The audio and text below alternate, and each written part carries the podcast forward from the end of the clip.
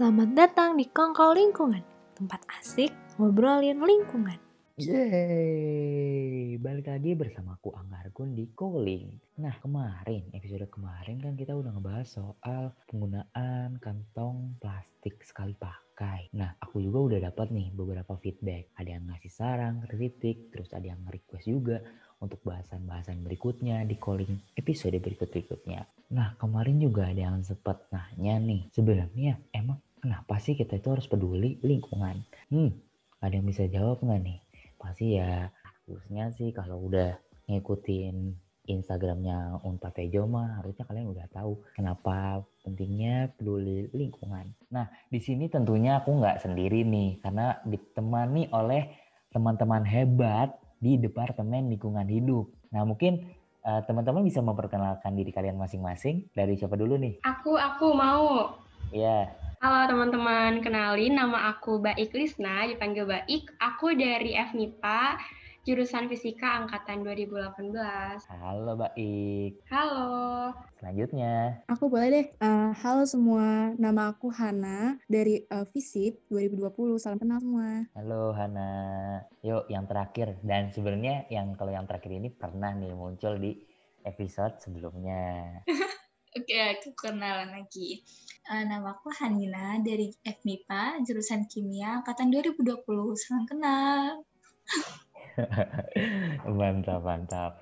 Nah, kan kemarin sebenarnya kita udah bahas uh, yang tadi aku udah bilang, penggunaan kantong plastik ya. Nah, sebenarnya kita mikir-mikir nih, sebenarnya apa sih pentingnya menjaga lingkungan? Kenapa sih harus eh, kita kita ini harus peduli sama lingkungan? Nah, dari podcast ini kita bakal bahas putar uh, kenapa sih harus kita harus peduli terhadap uh, lingkungan kayak gitu. Mungkin nih pertanyaan pertama, kalian bisa nggak sih ngedeskripsiin apa sih lingkungan itu? Mungkin aku mau jawaban dari Hana nih. Uh, jadi kalau menurut aku lingkungan itu adalah tempat di mana kita berpijak, di mana uh, kondisi fisik yang mencangkup keadaan sumber daya alam kayak tanah, air, energi, surya, mineral, flora dan fauna, serta kita itu uh, tinggal juga nih di dalam lingkungan ini. Menurut aku sih itu sih Kang. Oke mantap. Ada yang mau nambahin nggak? Baik atau Hanina? Um, aku aku mau coba nambahin dong. Oke. Kebetulan uh, dulu aku pernah belajar sedikit nih tentang lingkungan. Uh, jadi tuh kalau dari kalau dari apa yang udah aku pelajari dulu tuh lingkungan merupakan segala suatu faktor yang mempengaruhi suatu kehidupan organisme. Nah, faktornya ini juga uh, banyak gitu. Segala suatu uh, meliputi faktor makhluk hidup seperti pohon dan hewan dan kita manusia. Uh, selain itu juga ada faktor si komponen-komponen uh, benda matinya seperti batu, terus material-material di tanah, air, angin, udara, api, energi itu juga masuk ke dalam faktor-faktor uh, lingkungan.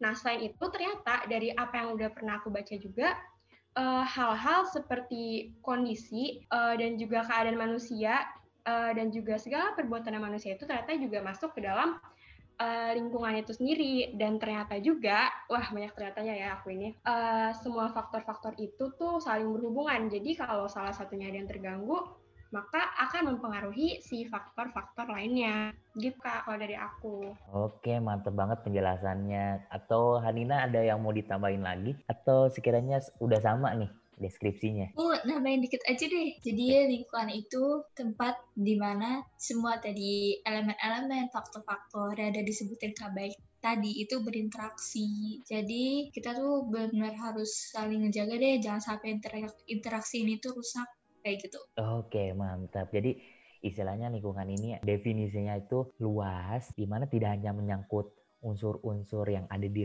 di dalamnya saja, tapi juga termasuk uh, interaksi yang ada di uh, lingkungan tersebut kali ya, kayak gitu. Nah, menurut kalian nih, gimana sih kondisi lingkungan saat ini? khususnya lingkungan di Indonesia. Mungkin ada yang mau menjawab dulu? Hmm, mau dong, duluan. Oke. Okay. Oke, okay, kalau dari aku sih kondisi lingkungan di Indonesia ya, menurut aku lagi nggak baik-baik aja alias lagi sakit banget nih kalau kata aku. Karena kenapa? Karena kayak uh, climate change, illegal logging, terus penggunaan dari bahan-bahan sekali pakai itu benar-benar ada di mana-mana banget kalau di Indonesia. Uh, mungkin kalau aku sebutin kayak contoh-contoh kejadiannya ya kayak kita nih di Indonesia penggunaan energinya masih uh, masih kita masih bergantung kepada energi fosil. Dan uh, dari data yang aku dapetin ya teman-teman kalau ternyata Indonesia ini dalam menggunakan energi terbarukannya ini masih 2,5 persen gitu.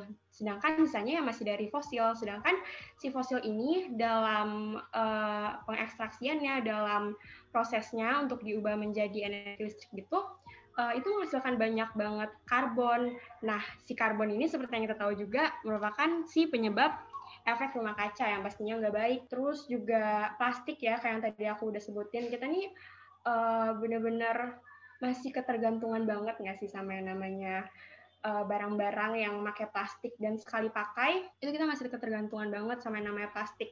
Walaupun sekarang udah ada ini ya aturan buat larangan penggunaan kantong plastik, tapi uh, selain itu juga masih ada gitu barang-barang lainnya yang menggunakan plastik dan sekali pakai.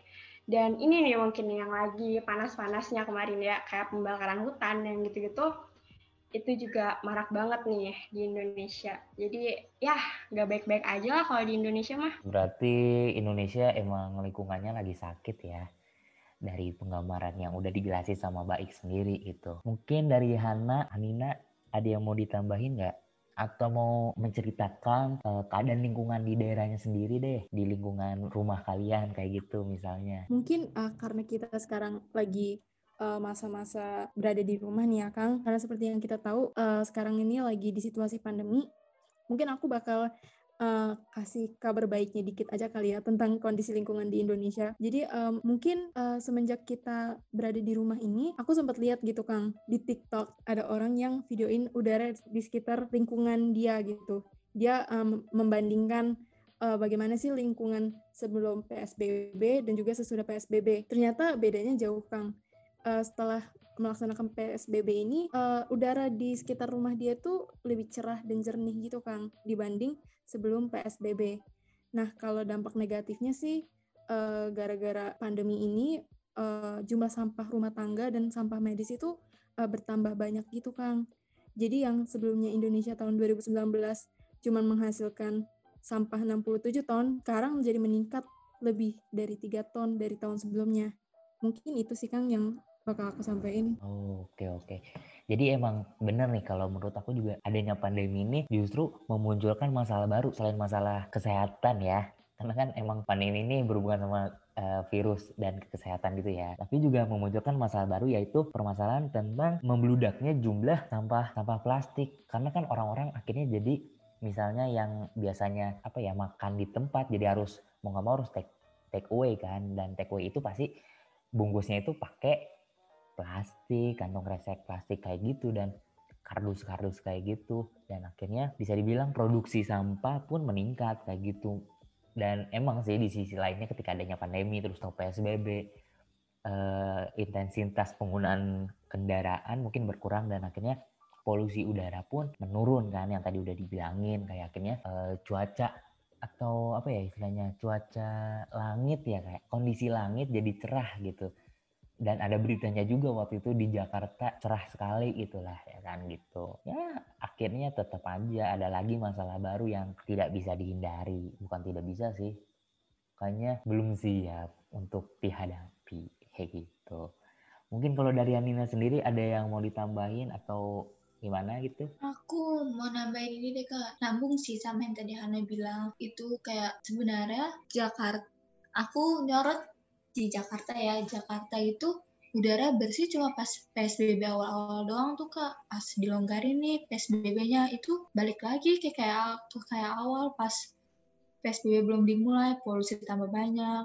Terus awan-awannya tuh juga mulai tutup sama debu-debu. Jadi sebenarnya situasi kayak gini juga gak sepenuhnya bagus sih. Lalu muncul-muncul hal negatif lainnya ya kalau dilihat-lihat gitu. Pandemi memang di sisi lain uh, ada manfaatnya, tapi mungkin kalau aku kalau aku katakan sih manfaatnya ini maksudnya bukan artinya melegalkan atau apa ya setuju gitu baik bahwa adanya pandemi, tapi ya di sisi lain karena akhirnya di lockdown kan akhirnya intensitas orang pakai kendaraan pribadi atau kendaraan umum itu berkurang kayak gitu itu sih positifnya doang hanya itu doang sih gitu dan akhirnya tetap aja muncul masalah-masalah baru yang sebenarnya lebih besar juga dampaknya kayak gitu nah menurut kalian nih dari tadi uh, penjelasan kalian tentang kondisi lingkungan kalau Indonesia itu lingkungannya sakit nih sebenarnya. Terus uh, di beberapa daerah hmm, karena pandemi juga akhirnya ada yang membaik tapi sebenarnya cuma sementara doang kayak gitu gitulah. Menurut kalian nih kenapa orang atau semua orang khususnya Indonesia harus peduli sama lingkungan nih? Aku mau nanggepin. Jadi kalau menurut aku kenapa kita harus peduli sama lingkungan itu karena lingkungan itu tempat kita berinteraksi kayak yang tadi aku tambahin kan di awal-awal lingkungan itu tempat kita berinteraksi sama hewan, sama tumbuhan, sama manusia, sama manusia juga. Jadi kalau kita nggak peduli sama lingkungan itu artinya kita kayak gimana kayak merusak interaksi itu. Kita nggak peduli sama hewan kita itu hewan diburu diambil gadingnya taringnya itu otomatis merusak interaksi kan. Nah akibatnya yang didapat dari rusak interaksi itu nggak cuma bentar itu akibatnya panjang dan susah buat dikembalikan lagi seperti semula. Jadi itu sih alasan kenapa kita harus peduli sama lingkungan mungkin aku mau uh, nambahin. Jadi sebenarnya uh, lingkungan kita rusak ini uh, menurut aku mungkin karena kita ini kurang kepedulian ya. Kenapa? Karena uh, mungkin uh, dari kasus-kasus yang uh, ada di kehidupan kita sehari-hari gitu. Kan uh, wajib kan konsumennya itu uh, kalau mau pakai plastik itu mereka harus bayar. Padahal udah bayar kan tuh. Tapi kenapa gitu kan masih ada orang yang prefer bayar plastik mereka lebih memilih bayar daripada menenteng-nenteng. Mereka kayak punya mindset gini loh Kang, kayak uh, paling bayarnya nggak nyampe 5 ribu. Nah, dari situ aja tuh udah ketahuan kan kalau misalnya mereka itu kurang kepedulian gitu terhadap dampak yang mereka lakukan sekarang. Nah, mungkin uh, kalau dari aku, kenapa kita harus peduli? Karena kalau bukan kita, siapa lagi?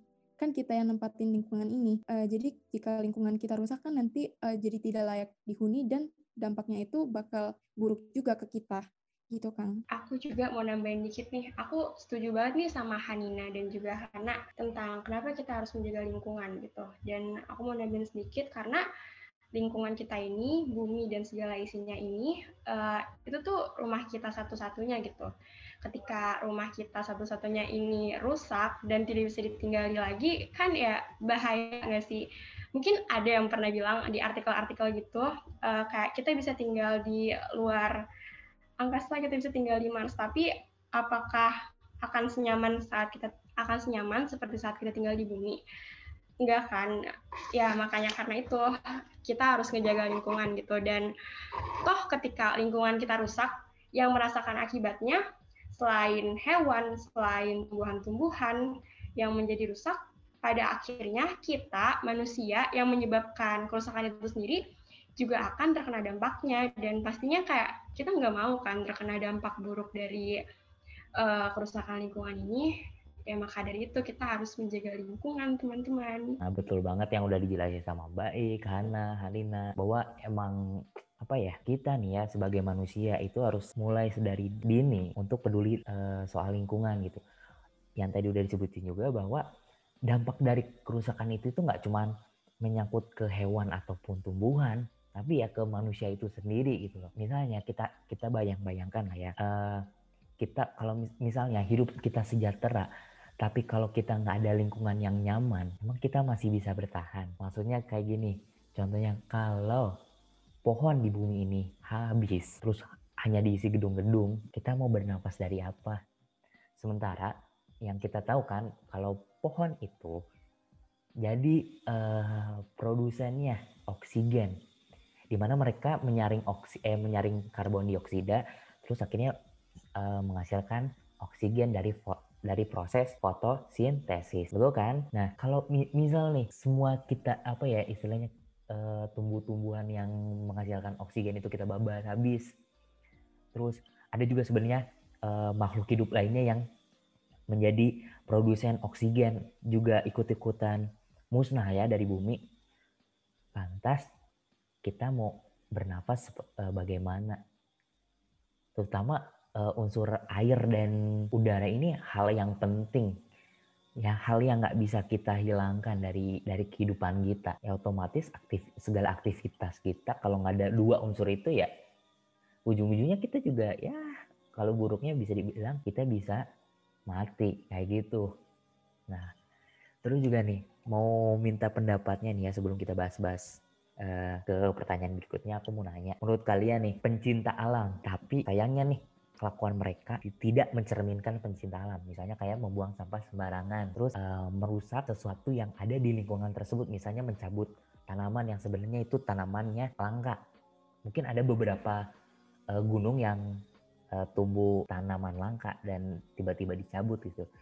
Dan dia alasannya karena bagus lah, karena estetik, ini kan cinta dan lain sebagainya dengan alasan apa pun tetap aja kan itu merusak lingkungan. Nah, tanggapan kalian gimana nih? Mungkin Hana mau jawab? Aku mau nanggupin ini sih kayak gimana ya? Aku tuh kalau ngelihat mereka sisi sisi aku sebagai netizen itu kayak pengen merasa pengen ngejuliti gitu kalau melihat mereka tuh pengen difoto terus disebarin ke media sosial kayak greget aku tuh ngeliatnya mereka bilang mereka pecinta alam ikut kegiatan ini ikut kegiatan itu tapi kenapa dalam tindakan kecil itu yang mereka udah tahu itu nggak boleh, itu langka, itu bisa merusak lingkungan, tapi mereka tetap ngelakuin hal itu. Berarti percuma dong kalau mereka bilang, aku pecinta alam, ikut ini, ikut itu. Tapi hal kayak gitu masih nggak bisa dihindari.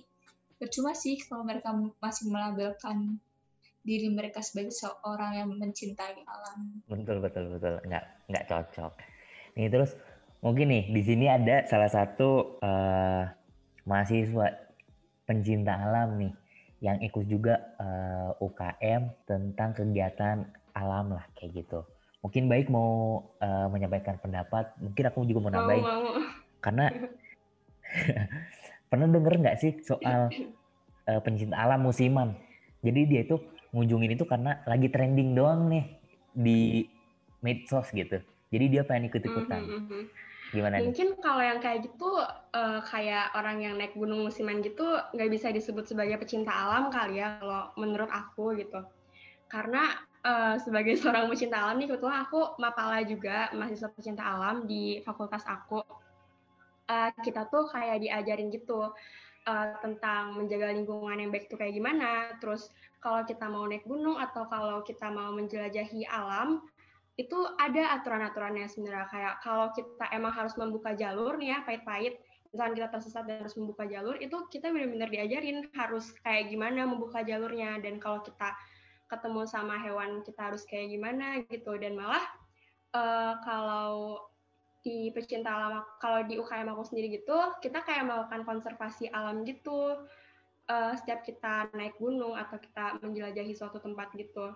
Nah, buat yang itu tuh yang tadi sudah Angga sebutin, sebenarnya aku kecewa banget sih kalau emang bener dia seorang pecinta alam, apalagi yang udah dididik gitu, saya masih melakukan hal-hal kayak gitu, itu benar-benar ya ampun sangat mengecewakan. Itu kayaknya orangnya ada yang salah, mungkin entah itu karena dia tidak terlalu uh, mendalami apa yang sudah dikasih tahu gitu ya, atau mungkin uh, ya benar tadi tuh uh, musiman karena pengen naik gunungnya doang, karena pengen asik-asiknya doang. Padahal tuh uh, ada aturannya gitu setiap kita ingin mengunjungi suatu alam bebas gitu. Mungkin bisa dikatakan kayak mengejar viralitas nggak sih?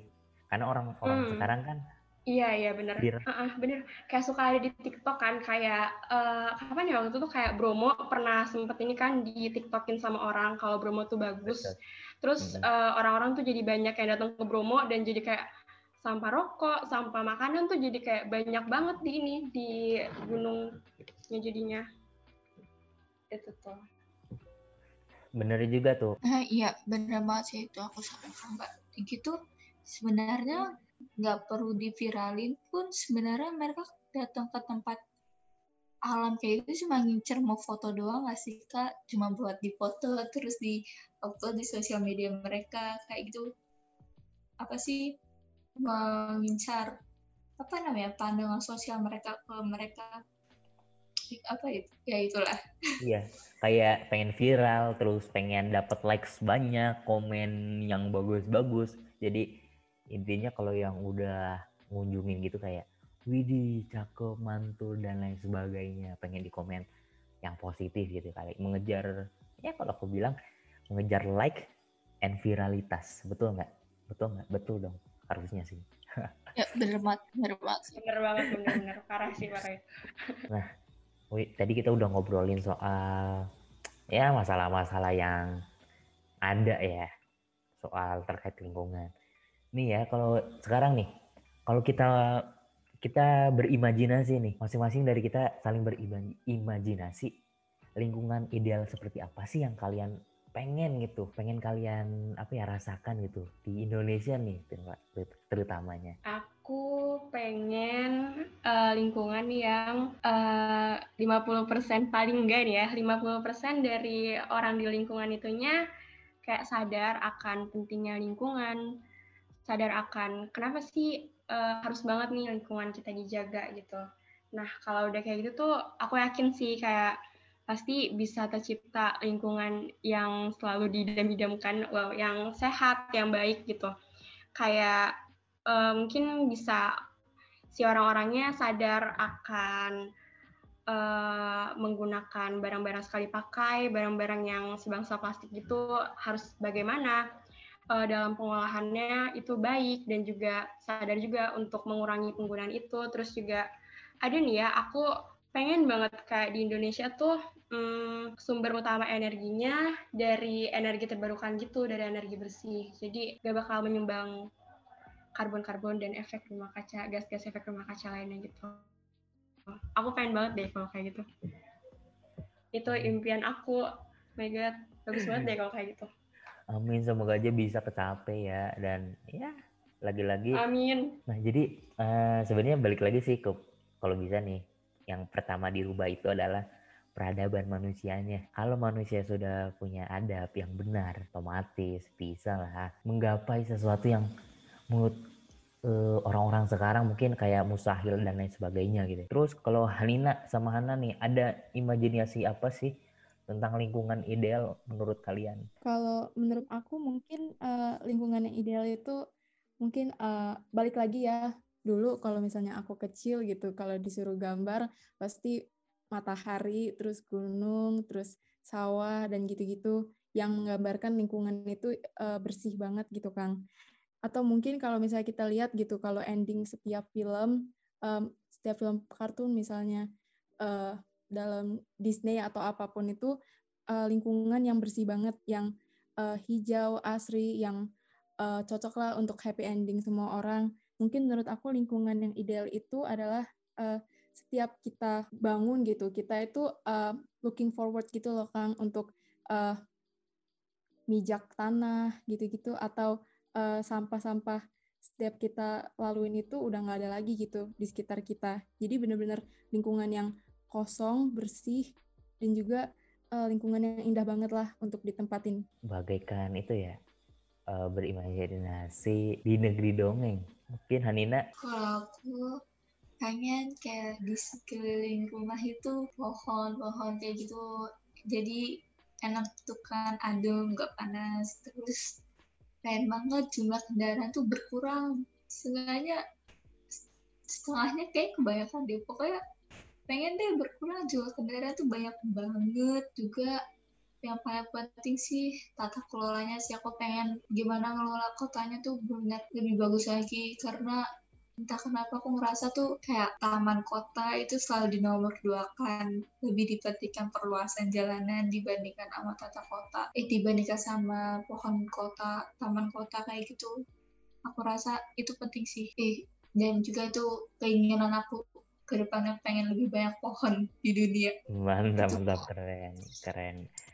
Aku juga sebenarnya membayangkan kalau setiap kota lah ya setiap kota terus setiap apa lagi ya setiap daerah itu tuh punya taman tamannya tersendiri gitu ya. Dan apa ya contohnya nih ya mungkin kita bisa ngelihat di kalau di Indonesia Bandung nih kan kota kembang masa jabatannya uh, Bapak Arituan Kamil nih dia kan sering banget tuh apa membangun taman-taman dengan nama-nama yang unik juga gitu. Tuh sebenarnya harus banget sih setiap daerah ada taman kota, uh, taman kota gitu atau taman daerahnya gitu.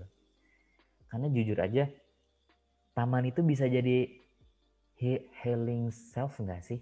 Ketika kita penat gitu dari kerjaan kita ketika kita ke taman gitu kayak fresh lagi. Ngerasain gitu nggak sih? Maksudnya ketika kalian lagi penat terus ngelihat misalnya lingkup uh, taman gitu atau enggak hijau hijau hijauan gitu. Tiba-tiba aduh merasa refresh lagi gitu pikiran. Akhirnya kita bisa menjalani lagi aktivitas yang sungguh penat gitu ya. Semoga aja nih imajinasi ini tuh ke depannya bisa benar-benar terjadi nggak hanya sekedar angan-angan kita gitu. Dan imajinasi ini juga sebenarnya semoga aja benar-benar bisa menjadi doa dan bisa kita terapin juga. Dan apalagi kita nih sebagai agen of change bagaimana nanti kita ke depannya yang bakal memimpin dunia? Karena kita apa ya udah udah mulai masanya nih. Karena yang tua tua sudah mulai ya udah mulai berganti lah ya. Mulai pergantian posisi lah. Nah dari sini mungkin kita mulai mempersiapkan bagaimana kita mengimplementasikan atau merealisasikan imajinasi-imajinasi kita yang awalnya menurut kita ah kayaknya nggak mungkin itu menjadi mungkin gitu. Bagaimana tadi bilang ada setiap uh, pengen ada uh, pokoknya lebih banyak pohon, terus lebih mentingin uh, perluasan taman kota daripada perusahaan jalan kayak gitu juga sebenarnya kayak kalau mau ngurangin polusi udara dari kendaraan jangan ngasih ruang uh, ruang gerak juga nih buat kendaraan pribadi. Cukup kendaraan umum aja. Nah kayak gitu mungkin ya untuk ke depannya gitu. Kalau misalnya kita uh, bakal menjabat posisi-posisi penting nih ke depannya setelah kita lulus nanti kayak gitu. Di sebelum penutupan nih lagi-lagi uh, supaya kita mengingat supaya lagi-lagi kita tidak uh, pokoknya kita, uh, kita tidak bosan-bosannya untuk mengingatkan bahwa semua orang di dunia ini tanpa terkecuali harus peduli terhadap lingkungan. Kira-kira uh, dari kalian bertiga ada nggak closing statement yang uh, kalian harus uh, peduli lingkungan karena apa? Atau misal uh, ya pokoknya closing statement dah dari kalian. Gimana nih? Mungkin dari siapa ya? Baik dulu deh. Dulu, oke, okay, boleh. Mungkin kalau dari aku, kenapa sih kita harus jaga lingkungan? Uh, menurut aku tuh setiap individu manusia tuh benar-benar wajib hukumnya buat ngejaga lingkungan karena ya seperti yang aku udah bilang sebelumnya, lingkungan ini tuh rumah kita satu-satunya gitu. Ketika rumah kita rusak, pasti orang-orang yang ada di dalam rumahnya itu pasti bakal terganggu juga dong, pasti bakal terkena dampak buruknya. Nah, untuk menghindari dampak buruk yang mengerikan itu, maka dari itu kita harus banget dimulai dari sekarang sampai seterusnya menjaga lingkungan kita, melakukan hal-hal yang dapat menjaga lingkungan kita. Dan juga nggak lupa kalau misalkan kita udah benar-benar paham akan esensi pentingnya menjaga lingkungan, jangan lupa juga buat disebarkan ke orang-orang terdekat kita, ke orang-orang di sekitar kita. Karena uh, dalam menjaga lingkungan ini, dalam memperbaiki lingkungan kita yang sekarang ini, tentunya kita nggak bisa bergerak sendiri dong. Makanya kita harus bersama-sama dalam menjaga lingkungan. Dan juga, toh menjaga lingkungan itu kan suatu hal yang baik gitu. Dan menurut aku juga nih, menjaga lingkungan itu tuh seperti kita investasi buat kehidupan kita di masa mendatang. Karena kita berinvestasi untuk bisa hidup di lingkungan yang lebih baik dan lebih sehat di ke depannya gitu. Mantap sekali. Aku cuma setuju sih kak sama kak baik. Kayak itu tuh lingkungan penting banget harus banget kita jaga. Karena benar kata kak baik bumi, bumi ini rumah kita. Kalau bukan kita siapa lagi mau menjaga? Masa mau ngandelin hewan atau tumbuhan di mana mereka yang seharusnya kita jaga? Nggak mungkin kan? Jadi kalau bukan kita siapa lagi yang bakal menjaga bumi ini rumah kita oke terus Hana nih gimana Han melaksanakan tugas kita itu sebaik mungkin toh benar juga kan kata uh, Teh Baik sama Hanina, yang tinggal itu juga nanti kita sendiri. Kalau bukan kita siapa lagi? Bumi kita itu semakin tua dan masalah lingkungan kita itu semakin kompleks. Menurut aku gitu, Kang. Oke, mantap. Benar tuh kayak apa ya? Lingkungan ini, bumi ini tuh ya kita anggap kayak rumah sendiri. Misal nih kita punya rumah yang kotor, terus banyak masalah di rumah tersebut, apa iya kita bakal nyaman? Uh, kalau menurut aku, uh, Tuhan itu udah menciptakan bumi dan segala isinya gitu untuk kita manusia untuk tinggal di sini. Nah, uh, Tuhan itu udah ngasih kepercayaan, udah ngasih tanggung jawab kepada kita untuk melestarikan lingkungan sebaik mungkin. Nah, kalau kita udah dikasih tanggung jawab gitu, berarti kita jangan menyia-nyiakan kepercayaan Tuhan kepada kita. Karena bumi kita itu semakin tua gitu kan, dan masalah lingkungan uh, di, di dunia ini semakin kompleks. Nah, kalau misalnya bener banget tuh kata uh, kata Teh Baik sama Hanina, kalau bukan kita siapa lagi? Menurut aku gitu sih Kang.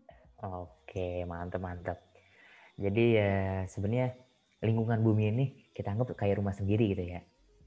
Kalau misalnya misal nih rumah kita itu kotor, terus uh, tidak ada asupan oksigennya, terus ya banyak masalah-masalah lainnya kita pasti nggak nyaman dong di rumah tersebut itu pasti otomatis kita bakal nyari rumah yang menurut kita nyaman dan aman gitu kan. Begitupun bumi nih, lingkungan di bumi kalau rusak nih masalahnya kalau bumi rusak mau tinggal di mana lagi gitu. Masalahnya kita juga bingung kan kalau ini bumi rusak kita mau ke mana lagi gitu. Dan otomatis bayangin aja nih ya kalau nggak ada oksigen kita masa mau beli oksigen yang harganya jutaan gitu. Bayangin oksigen tabung oksigen gitu. Harganya mahal bung. Sedangkan Tuhan ya masih kita gratis gitu. Tapi kita tidak mau memanfaatkan itu dan malah menyia-nyiakan dan malah pengen aja gitu uh, oksigen itu bayar kayak gitu. Monetisasi oksigen nih lama-lama. Banyak banget ya di, bisa dibilang uh, permasalahan-permasalahan lingkungan yang kita alamin yang kita hadapin ataupun uh, saudara-saudara kita di luar sana uh, yang ngalamin gitu ya. Mungkin uh, Indonesia tidak mengalami tapi negara lain mengalami. Ya macam-macam gitu kan masalah lingkungan gitu. Dan makin ke sini kalau menurut gue nih ya masalahnya semakin kompleks. Dan uh, kerusakan itu memang nggak bisa begitu saja buat diatasi tapi setidaknya nih ya dengan apa ya tindakan kecil deh tindakan kecil untuk menyelamatkan lingkungan itu lebih baik daripada tidak tidak sama sekali gitu. Kita coba dari hal kecil kita membiasakan untuk uh, apa ya kegiatan yang peduli terhadap lingkungan mulai dari yang kecil.